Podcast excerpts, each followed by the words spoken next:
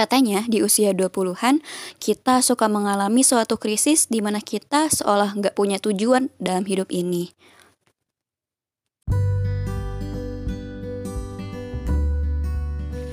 Assalamualaikum Teh Vira, gimana kabarnya Teh Vira sekarang? Udah libur nih, lagi liburan gitu, udah libur semesteran gimana Teh rasanya sekarang? Wah, waalaikumsalam. Tadi udah salam kan, jadi dijawab dulu. Alhamdulillah sih kalau kabar lumayan punya waktu untuk melakukan hal-hal yang tidak bisa dilakukan waktu kuliah ya kalau libur tuh. Cuman sekarang aku tuh udah masuk tingkat akhir. Oh. Dan kalau ngomongin tingkat akhir pasti nggak jauh-jauh ngomongin skripsi jelas lah ya.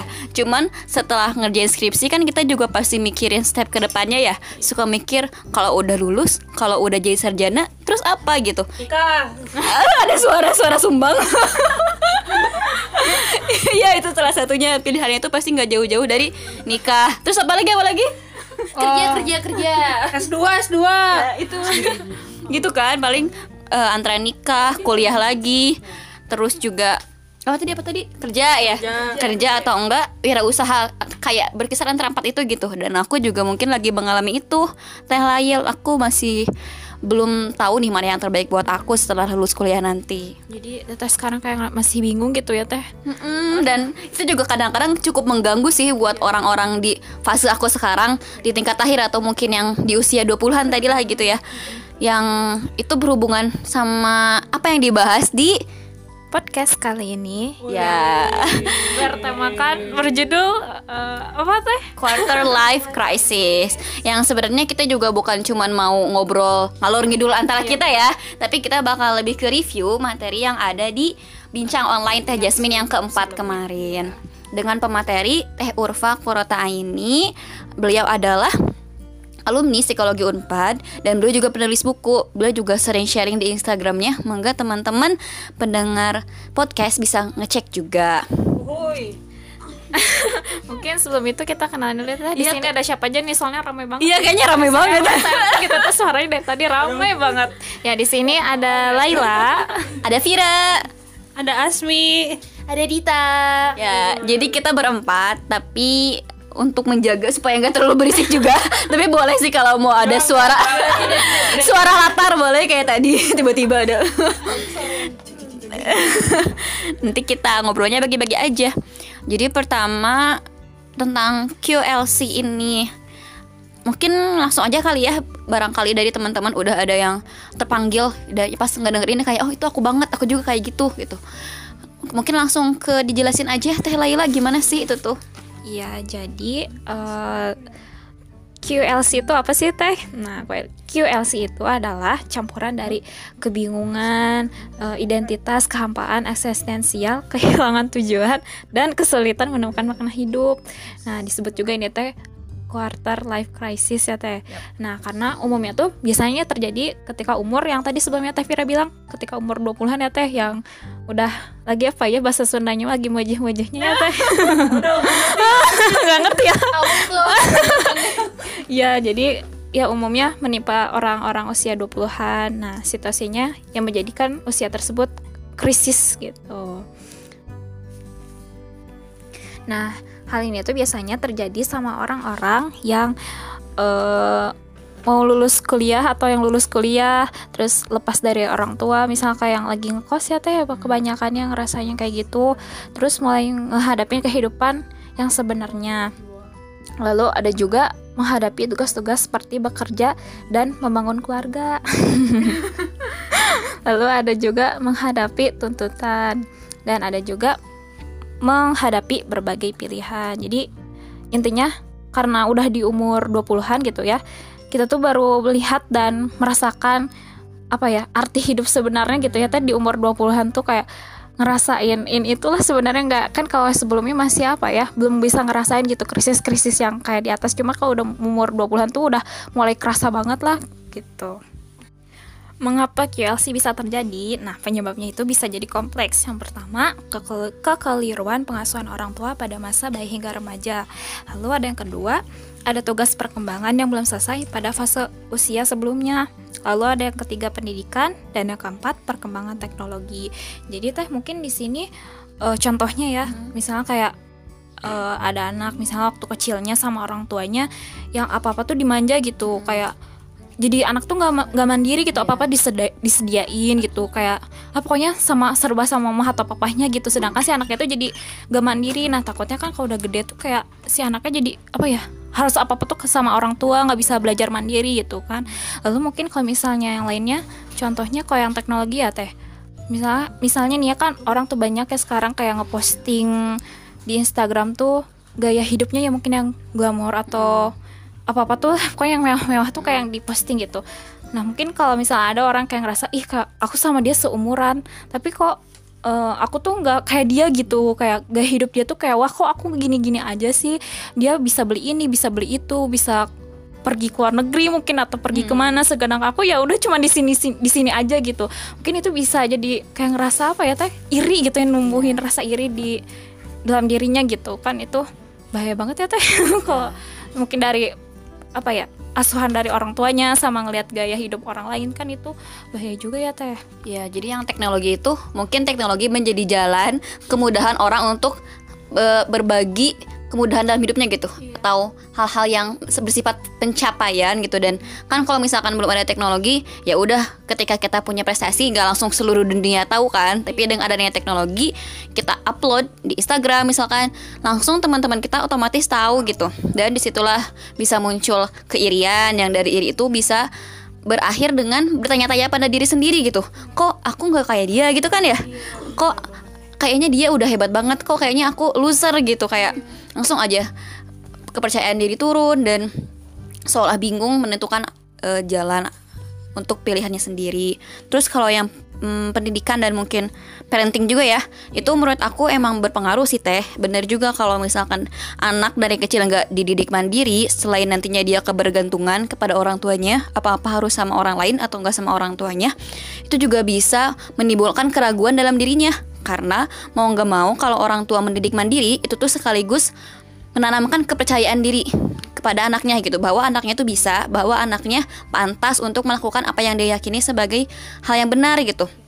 Kalau misalkan gede diri kayak gitu, bisa jadi dia sampai usia dewasa bakal terus ragu, kadang ngerasa gue bakal ngelakuin hal yang benar kalau mama gue udah bilang itu boleh gitu loh. Jadi kayak dia belum bisa punya uh, pendirian gitu karena harus selalu nunggu persetujuan dari orang tua gitu. Terus kalau pendidikan juga mungkin berkaitan dengan parenting juga ya. Pokoknya sesuatu yang membentuk diri kita lah dari apa yang diajarkan dari apa yang dibiasakan. Itu aku jadi inget ini sih teh. Kisah eh, uh, 10 sahabat Rasul yang dijamin masuk surga.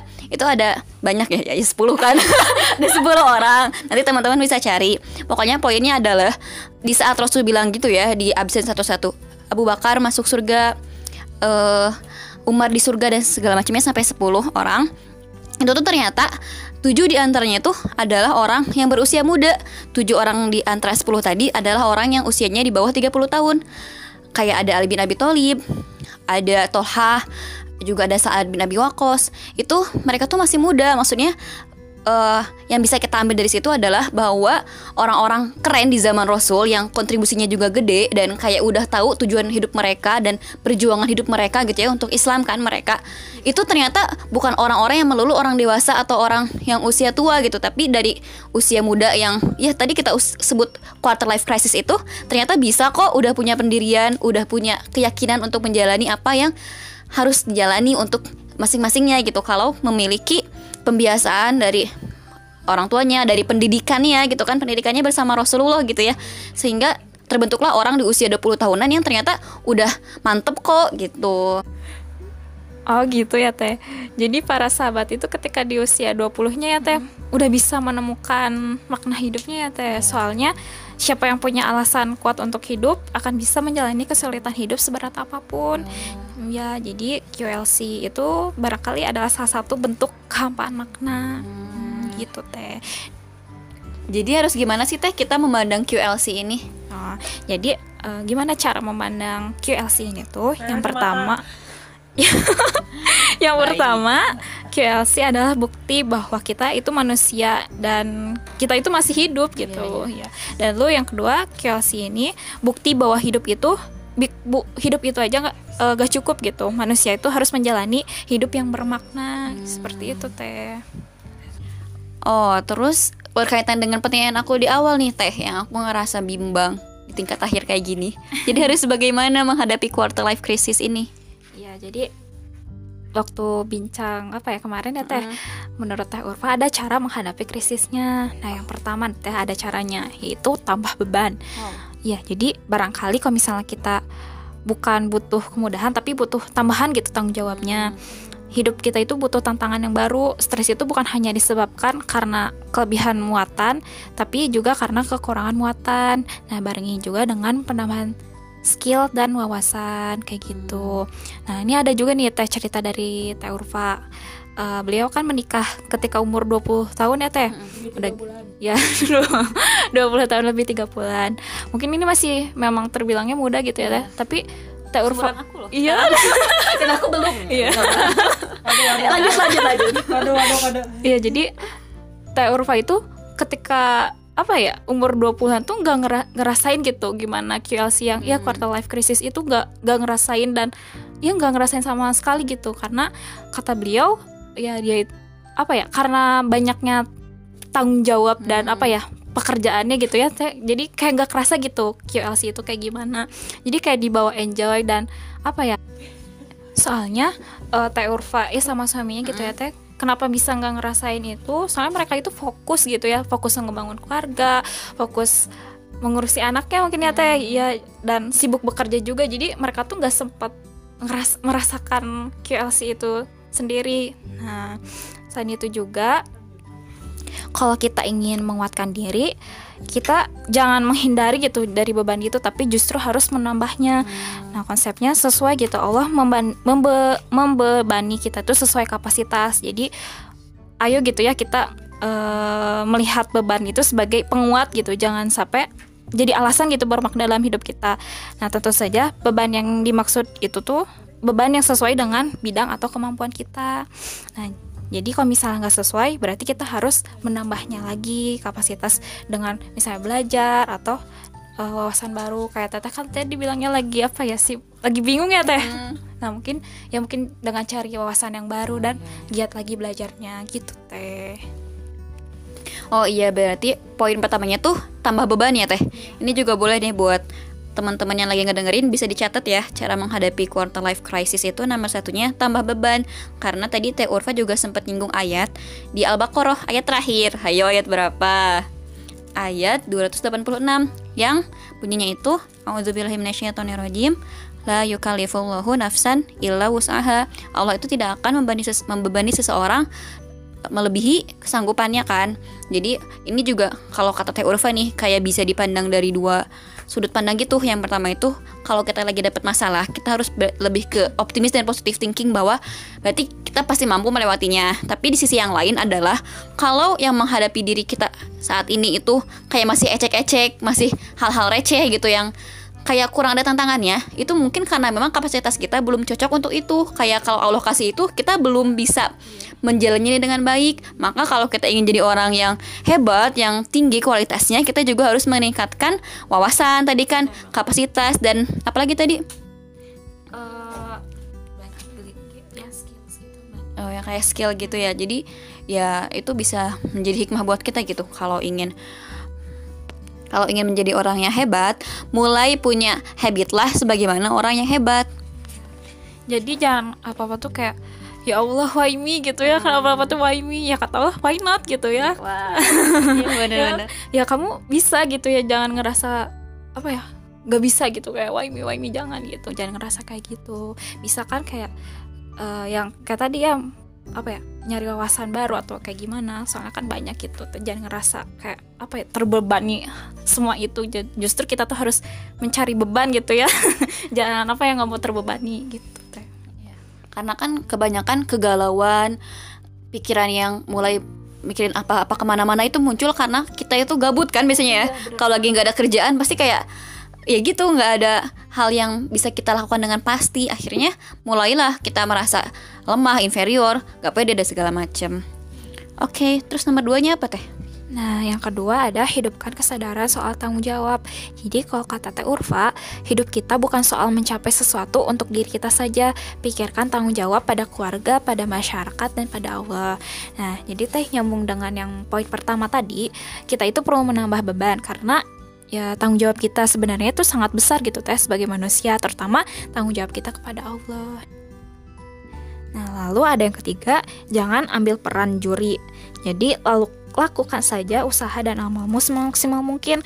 Kalau misalnya kita fokus pada yang harus kita kerjakan, yang kita tidak akan apa ya sempat menilai bahwa hidup orang lain itu lebih enak karena hidup karena kita itu menikmati hidup ya kita sendiri gitu. Jadi jangan apa-apa tuh kayak ngelihat orang itu hidupnya tuh enak gimana gitu ya ngelihat apa ya gaya hidup mereka tuh kayak ih kok mereka tuh bisa gitu ya kalau aku enggak. Ya jangan ngelihatnya jangan ngelihat apa ya ngelihat yang orang lain terus gitu. Tapi kita kayak coba apa ya uh, amalan kita tuh kayak lebih difokusin lebih ditingkatin. Kalau misalnya kalau misalnya kita terus ngelakuin itu kan jadi nggak ada apa ya nggak ada rasa iri ke orang lain gitu.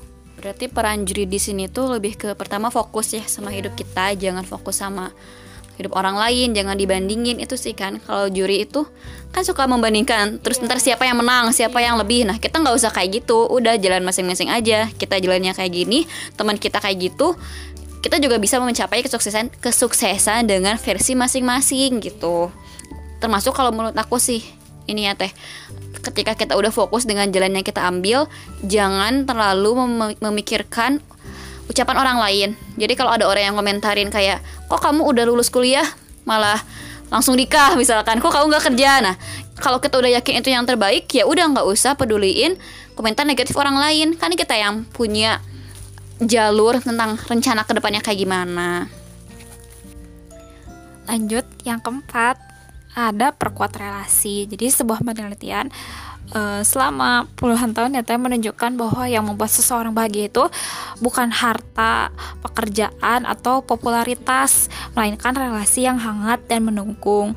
Jadi meskipun sudah beranjak dewasa, uh, relasi atau apa ya hubungan dengan keluarga itu tetap menjadi penentu penting harta yang paling berharga yaitu keluarga gitu ya jadi ya hubungan kita sama keluarga tuh emang penting banget gitu teh apalagi yang apa ya udah di apa ya hubungan kita dari kecil sampai kita dewasa tuh emang sama keluarga udah kuat banget gitu jadi apa-apa tuh kayak harus banyak komunikasi dengan keluarga, apa-apa tuh diobrolin, jangan apa-apa tuh dipendem gitu sendiri. Soalnya kalau terkadang kalau misalnya kita gak nyeritain atau ah ngapain sih orang tua tahu, ya jangan gitu juga malah kalau misalnya ada apa-apa tuh ceritain ke orang tua, orang tua mungkin ada solusinya dan makin dekat gitu. Terkadang nyeritain yang hal gak penting aja gitu itu bisa jadi apa ya hubungan kita seorang tua atau keluarga tuh makin dekat apalagi sama kakak adik gitu. Nyeritain yang nggak penting atau bercanda itu tuh itu hubungan kita tuh jadi makin kuat gitu. Jangan apa apa tuh kayak dingin kayak apa ya nggak saling peduli kan itu sayang banget. Jadi merenggang relasi itu. Gitu teh. Mungkin kalau Teh Vira ada pendapat lain tentang relasi ini? Ya bener sih. Yang perkuat relasi itu jadi lebih ke kalau kita udah tahu kita punya supporting system kalau kita udah punya kalau kita udah tahu kita punya supporting system kita kuatin lagi gitu. Kan itu biasanya keluarga kita kakak adik orang tua. Nah itu tuh komunikasinya dimantepin lagi karena pada siapa lagi kita akan kembali gitu kan. Iya, lanjut aja teh. Ya. yang ke, nah ini ada nih yang kelima yang terakhir yaitu menemukan makna. Nah jadi pada akhirnya quarter life crisis ini adalah soal pergulatan batin untuk menemukan makna hidup. Yakini bahwa kamu itu ada di dunia itu untuk melakukan peran yang tidak bisa digantikan oleh orang lain. Kamu dan semua manusia itu ya punya misi khusus yang tak melulu sama gitu. Oh iya, tentang makna ini juga Teh Urfa menyampaikan nih, makna sebaiknya dibuat menjadi dua, makna besar dan makna kecil. Makna kecil itu yang lebih spesifik, sedangkan makna besar yang menaungi semua makna kecil.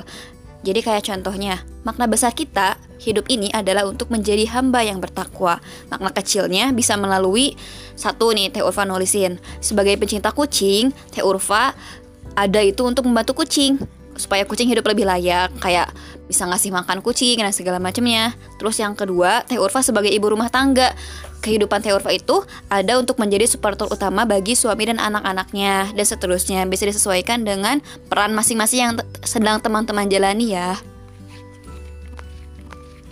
Oh gitu ya teh. Oke teh siap.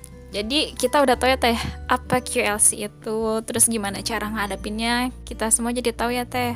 Nah mungkin sekarang kita lanjut aja ya teh. Kan waktu bincang online itu ada sesi tanya jawab ya teh. Nah sekarang bakal dibahas sama Teh Asmi sama Teh Dita. Langsung Ya. aja teh.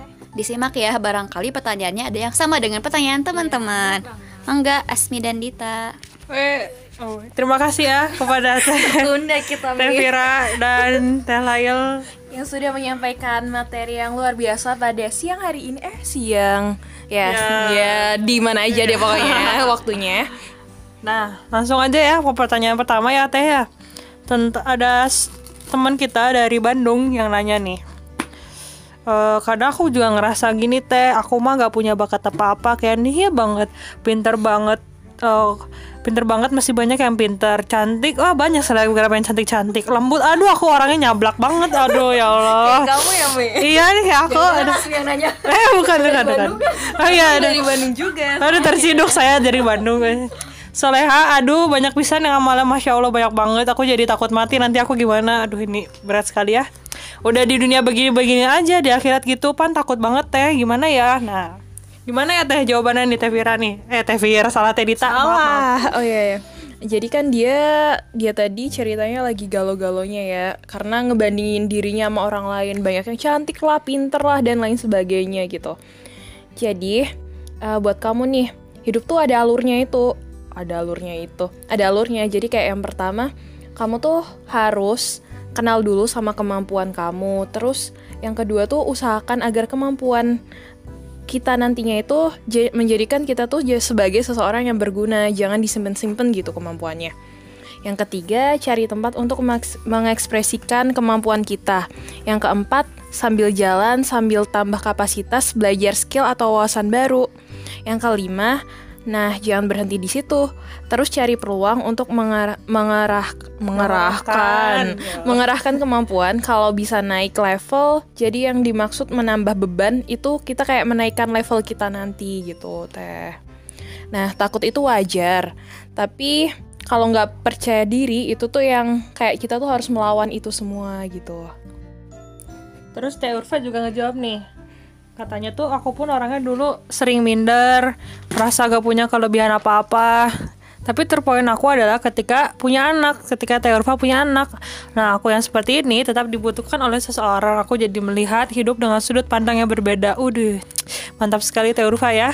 Nah terus Mungkin gak perlu nih katanya punya kemampuan yang wah banget Yang di atas rata-rata, yang bombastis Gak perlu mengubah dunia, gak perlu punya followers banyak. Mungkin kita cuma butuh satu orang ya, satu orang Yang hidupnya jadi lebih baik karena ada kita. Satu orang itu bisa siapa pun loh. Ayah, ibu, kakak, adik, teman, pasangan atau anak Orang random yang ketemu di jalan atau pembaca blog kamu Atau pembaca status kamu. And for being realistic ya, it's okay juga menjadi orang yang average alias rata-rata. Maksudnya jadi gak apa-apa. Eh, maksudnya ya standar aja kemampuannya punya kelebihan tapi nggak lebih-lebih amat katanya gitu. Terus nih nggak apa-apa nggak hebat di segala bidang karena kita juga manusia biasa tapi tentukan satu saja dari dirimu yang bisa bikin dunia ini lebih bercahaya satu cahaya lilin pun it's good kayak gitu ya teman-teman Insya Allah. Nah, sekarang kita lanjut ke pertanyaan nomor 2 ya, Teh, yaitu dari teman kita yang di UGM. Mantan calon kampus ya. Jadi, eh, pertanyaannya, Kak, bagaimana jika kita nggak punya supporting system yang memadai? Eh, kayak kita tuh nggak punya sahabat dan kita juga tidak bisa ber- bergantung pada anggota keluarga terdekat. Ke manakah kita harus kembali? Bagaimana cara kita kembali? Wah, pertanyaannya mantap sekali ya. Nah, ini dijawab langsung sama Teh Urfa. Mungkin itu artinya kamulah yang jadi tempat kembali buat seseorang atau banyak orang. Mungkin itu jalan kamu untuk menemukan makna hidupmu. Bukankah dengan yang kamu alami, kamu jadi tahu bagaimana rasanya enggak punya support system? Bagaimana jika itu sebenarnya cara Allah supaya kamu membuat support system untuk orang-orang yang mengalami perasaan yang sama? Mungkin kamu ditak- ditakdirkan untuk membuat komunitas. Gak mustahil kan dari perasaan itu, kamu bisa bikin pertemanan, perkumpulan, atau apa pun agar orang lain seusiamu enggak merasakan yang kamu rasakan.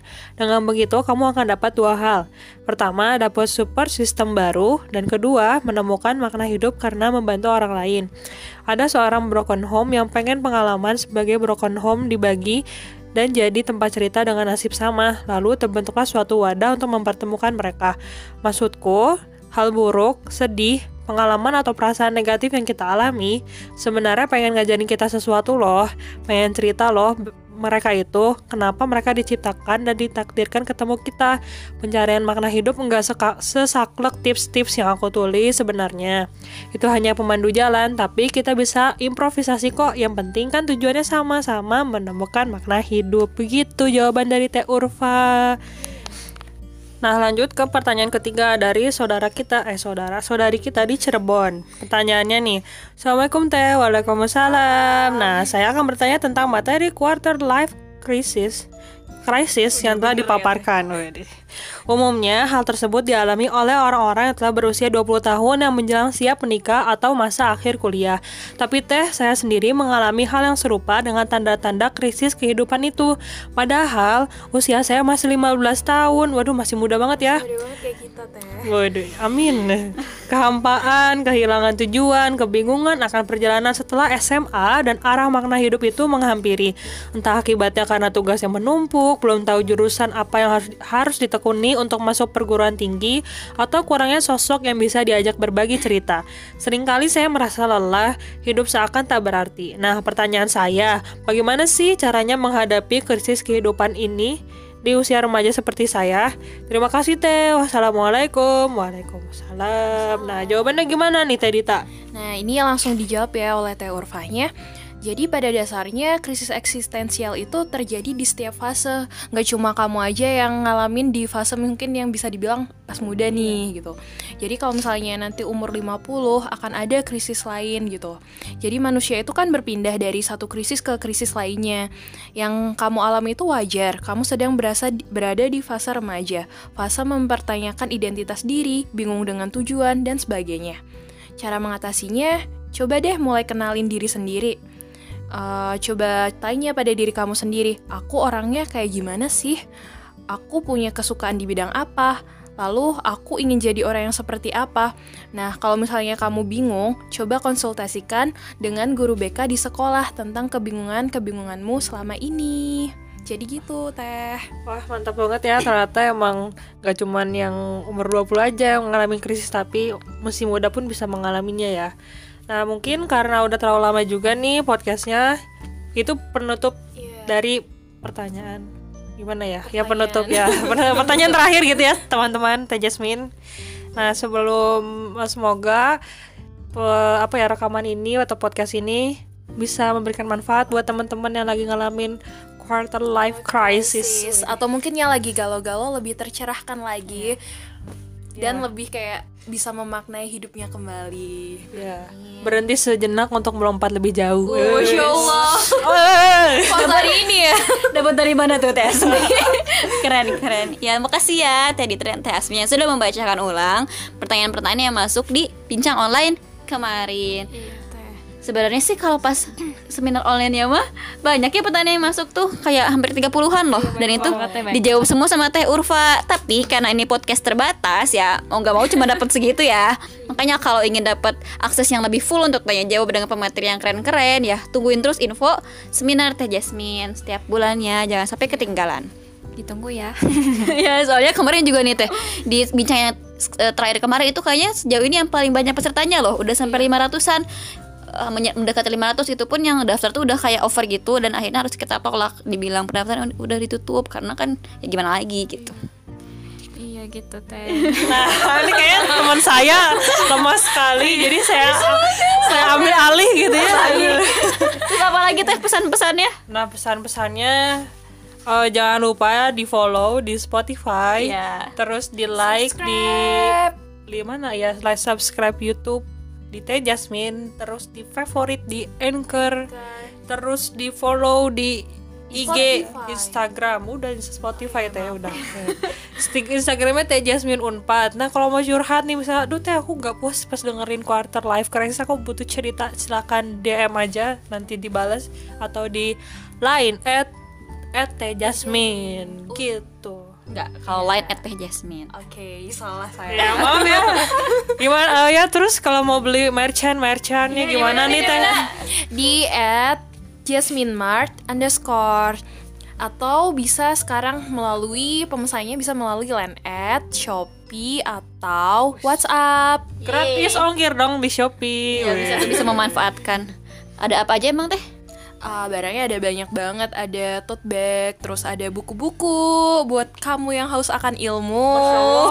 Masya Allah, sekali kan ya. Terus ada gantungan kunci dan lain sebagainya. Pokoknya pantengin aja buat kamu-kamu yang penasaran. And stay tune here. Yeay, di suara Teh Jasmine. Ya teh mungkin dicukupin aja ya teh di sini Laila, ada Teh Vira, Teh Asmi dan Teh Dita pamit undur diri. Wassalamualaikum warahmatullahi wabarak- wabarakatuh. Waalaikumsalam. Dadah. Bye. See you next podcast.